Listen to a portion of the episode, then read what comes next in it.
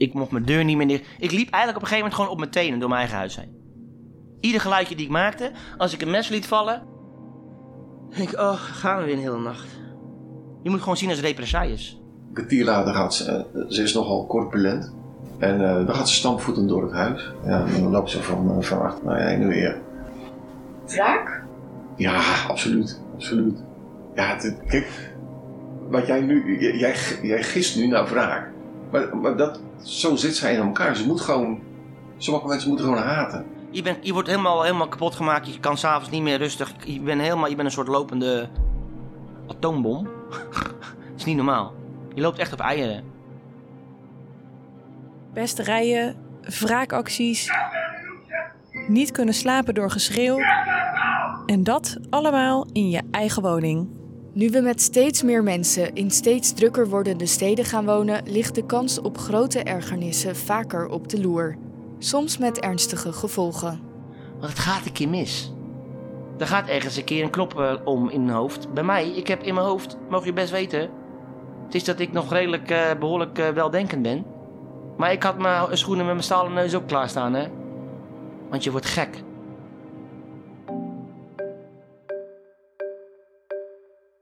Voor de RTV Utrecht podcast Gillend Gek duiken wij, Hanna Kameraad, En Evie Westland, in extreme woonoverlast. wat kun je doen als jouw buurman of buurvrouw je het leven zuur maakt? En wat nou als diezelfde buur eigenlijk ook hulp nodig heeft? Wat nou als je gillend gek wordt in je eigen huis? Even kijken. Ja, ik denk dat we hier goed zitten. Wat een schattig galerijtje. We gaan naar Wim in de Utrechtse wijk Witte Vrouwen. Ja, hier is het. Hallo Wim. Kom verder. Yes, dank u wel. In de jaren 70 was dit een echte arbeiderswijk, maar inmiddels is Witte Vrouwen flink verjupt. Ik kan hier in ieder geval voorlopig geen huis kopen. Nee, maar dat wil dus niet zeggen dat er geen problemen zijn. Nee, we hebben sinds eh, juni, juli vorig jaar twee eh, nieuwe buren gehad. En eh, nou, die, verzor- eh, die zorgen voor enorm veel overlast. En ja, dat is in augustus eigenlijk geëscaleerd. Een soort van bedreiging naar een andere buur, benedenbuurvrouw toe. Tot en met ontzettend veel lawaai maken. Want die Absurd. overlast, die overlast die uitzicht dan vooral dus in lawaai. Nou, ze is professioneel zangeres. Komt nauwelijks buiten nu met COVID. En eh, ze, eh, dat is veel zingen. Deze in ieder geval. Het is wel een stukje minder. Eh, ontzettend luidruchtig zijn. Gewoon de dingen die ik doe, gewoon, gewoon normaal. Die, die, die, gebeuren door de buren een keer of zes, zeven zo hard. Schoonmaken gaat met enorm veel kabaal ge- gepaard. Ja, het is gewoon heel donker. Het is net een constante verbouwing. En Wim is niet de enige in de galerijflat die last heeft van zijn buren. Eh, de benedenbuurvrouw eh, die vindt heel vaak eh, bloemblaadjes. Bijvoorbeeld, eh, ze, ze hebben eh, een bloempot op het balkon staan of op die rand van het balkon geplaatst. Want hier denk je misschien nog, bloemblaadjes, nou en. Maar frustraties kunnen snel oplopen. Nou, dan, soms gaat ze naar buiten als het mooi weer is en dan gaat ze ook een beetje tuinieren, zou ik maar zeggen. En dan hoort ze het, het restafval bijvoorbeeld naar beneden in de tuin bij de benedenbuurvrouw. Op het, dat is dan op het terras beneden. Of ze gaan het balkon schrobben met, met, ja, met water dan. En dan klotst en gutst dat eh, gewoon over de, over, over de reling, eh, of tenminste over dat opstaande randje naar beneden in de tuin van de buurvrouw. Kijk, het is gewoon allemaal maling hebben aan. Ik, ik wil doen wat ik doe. En je moet me vooral niet tegenspreken. Dat, dat is het idee.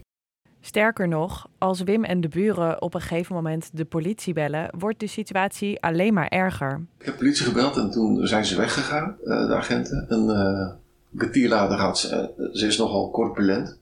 En eh, dan gaat ze stampvoetend door het huis. Ja, en dan loopt ze van, eh, van achter naar voren, voor naar achter, van, nou ja, en weer. Wraak? Ja, absoluut, absoluut. Ja, het- kijk, wat jij nu, jij, jij gist nu naar wraak. Maar, maar dat, zo zit zij in elkaar. Ze moet gewoon, sommige mensen moeten gewoon haten. Dat is echt serieus waar, denk ik. Ja, het, het klinkt misschien, als je het zo hoort, denk je, ja, dan vind je wel bloemblaadjes in je tuin. Is dat nou zo erg? Maar ik kan me voorstellen dat het op een gegeven moment een optelsom der dingen wordt. het is zeker een optelsom. Ik, kan, ik, ik merk nu dat ik eigenlijk niet zoveel meer kan hebben. Ook al hebben ze bijvoorbeeld een leuk deuntje op staan, ik- waarvan ik denk, oh, dat klinkt wel leuk. Toch wil ik het eigenlijk niet horen. Op een gegeven moment gaat het gewoon in je kop zitten. Dan, ja, traumatisch is misschien een heel groot woord, maar het wordt wel erg. Het gaat, in, het gaat in je hoofd zitten. Het gaat in je kop zitten. Je gaat zelf ook hele onaardige gedachten krijgen naar Je herkent Zulke jezelf eigenlijk niet meer helemaal in hoe jij ook met mensen omgaat. Nou, mijn, mijn, mijn omgang met andere mensen blijft gewoon normaal natuurlijk. Met hen dan. Met hen wordt het echt wel anders. Ik heb gewoon echt een, gewoon een, echt een slecht beeld. En ik, ja, ik wil ze liever vandaag dan gisteren dan, dan morgen kwijt.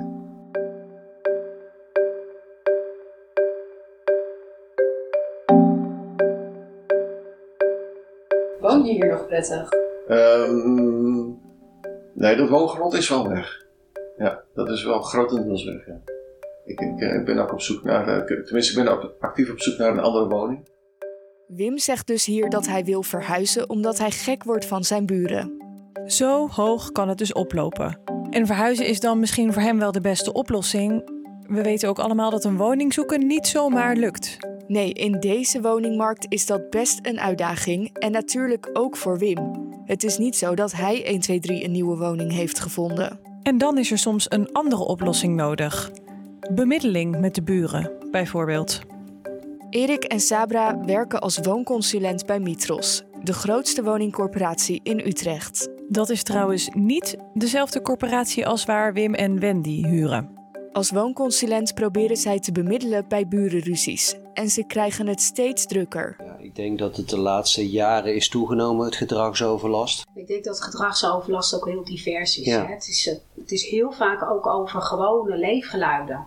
Dus ja, je, werkt, je, je woont met z'n allen en werkt tegenwoordig ook met z'n allen op een hele eh, kleine ruimte eigenlijk. Een heel eh, klein gebied. En eh, we zijn veel thuis met z'n allen. Eh, Door dus- corona doe je dan op nou of het algemeen? mede ook door corona de laatste jaren zien we daar wel een toename in. Dat normale leefgeluiden eh, toch wel ehm, tot overlast wordt ervaren door, door mensen. Problemen met buren komen niet alleen in een grote stad als Utrecht voor. We gaan langs bij Jasper. Hij woont in een sociale huurwoning in een gebouw vlak bij het centrum van Houten.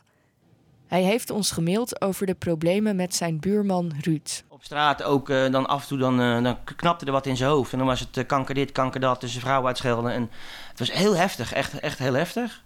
En twee maanden voordat het fout ging, echt fout ging, kwam hij ook met een emmertje ontlasting. Die gooide hij hier voor het gras. Toen dacht ik al, het was morgens vroeg en ik kwam al een putlucht. Ik, denk, ik zag hem al lopen. Ik denk, ga je toch niet meen, hè? Dus ik de volgende dag toch maar even kijken. Ja, hoor, gans ontlasting, wc-pie erbij, alles erop en eraan. Toen, had ik al een keer met de installateur gesproken die daar eh, eh, water uit het huis eh, stond te pompen. Dat bleek dus dat hij dus een kraantje, het hoofdkraantje van de wc eraf getrokken had. Nou, zijn hele hier beneden onderverdieping stond zeg maar eh, 30, 40 centimeter water. En dat was, was, hij aan het uitpompen, of het uit aan het pompen. En het kwam ook langs de muren. Nou, uiteindelijk ook die onderbuur van natuurlijk lekkage en al die ellende. Nou ja, en, en toen ben ik met die, met die, met die instructeur gaan praten. Zei, "Joh, hoe zit dit nou? Ja, zegt hij, dit is iedere drie, vier maanden is dit hetzelfde. Hij trekt er altijd wat vanaf en dan hebben we ellende. Nou, dat was al, dat was al, dat was al een bevestiging van wat ik, eh, waar ik al een beetje voor vreesde. Uiteindelijk ben ik erachter gekomen, iedereen kende hem ook. Heel Houten kent hem en eh, was een bekend. Maar iedere vier maanden, vijf maanden ook gewoon drie politiewagens, acht man politie, drie honden, vier voor, vier achter. Ik denk, het is allemaal aan de hand, joh. Nou, dan werd hij er weer uitgehaald, weer drie nachten weg. Dat soort gekkigheid allemaal. Maar dat bleef maar doorgaan. En ehm, politie... Ik, ik heb in principe niet de politie gebeld, maar toen het dus losging... Dat was vorig jaar december, 7 december. 8 december volgens mij. Toen eh, was het... eh, ik heb zelf een keer een brand meegemaakt, oude woning in Driebergen. En toen stond ik beneden. Is trouwens, ik mocht, ik, als ik emotioneel word, hoort erbij. Want het is heel heftig eh, geweest. 12 uur, kwart voor 12, ik kan het nooit meer vergeten. Kwart voor 12 's morgens. Ik rook brandlucht. Ik denk, ik zoek, zoek, zoeken. Denk, nee hè, de deur open en liep beneden in zijn onderbroek, buiten. Nou, toen wist ik gelijk. Toen wist ik genoeg. Ik denk, nou ja, ik, ben ik heb mijn kleren aangetrokken, ben naar beneden gerend. Nou, ik heb hem een paar keer uit zitten schelden en, en gevraagd en geschreeuwd.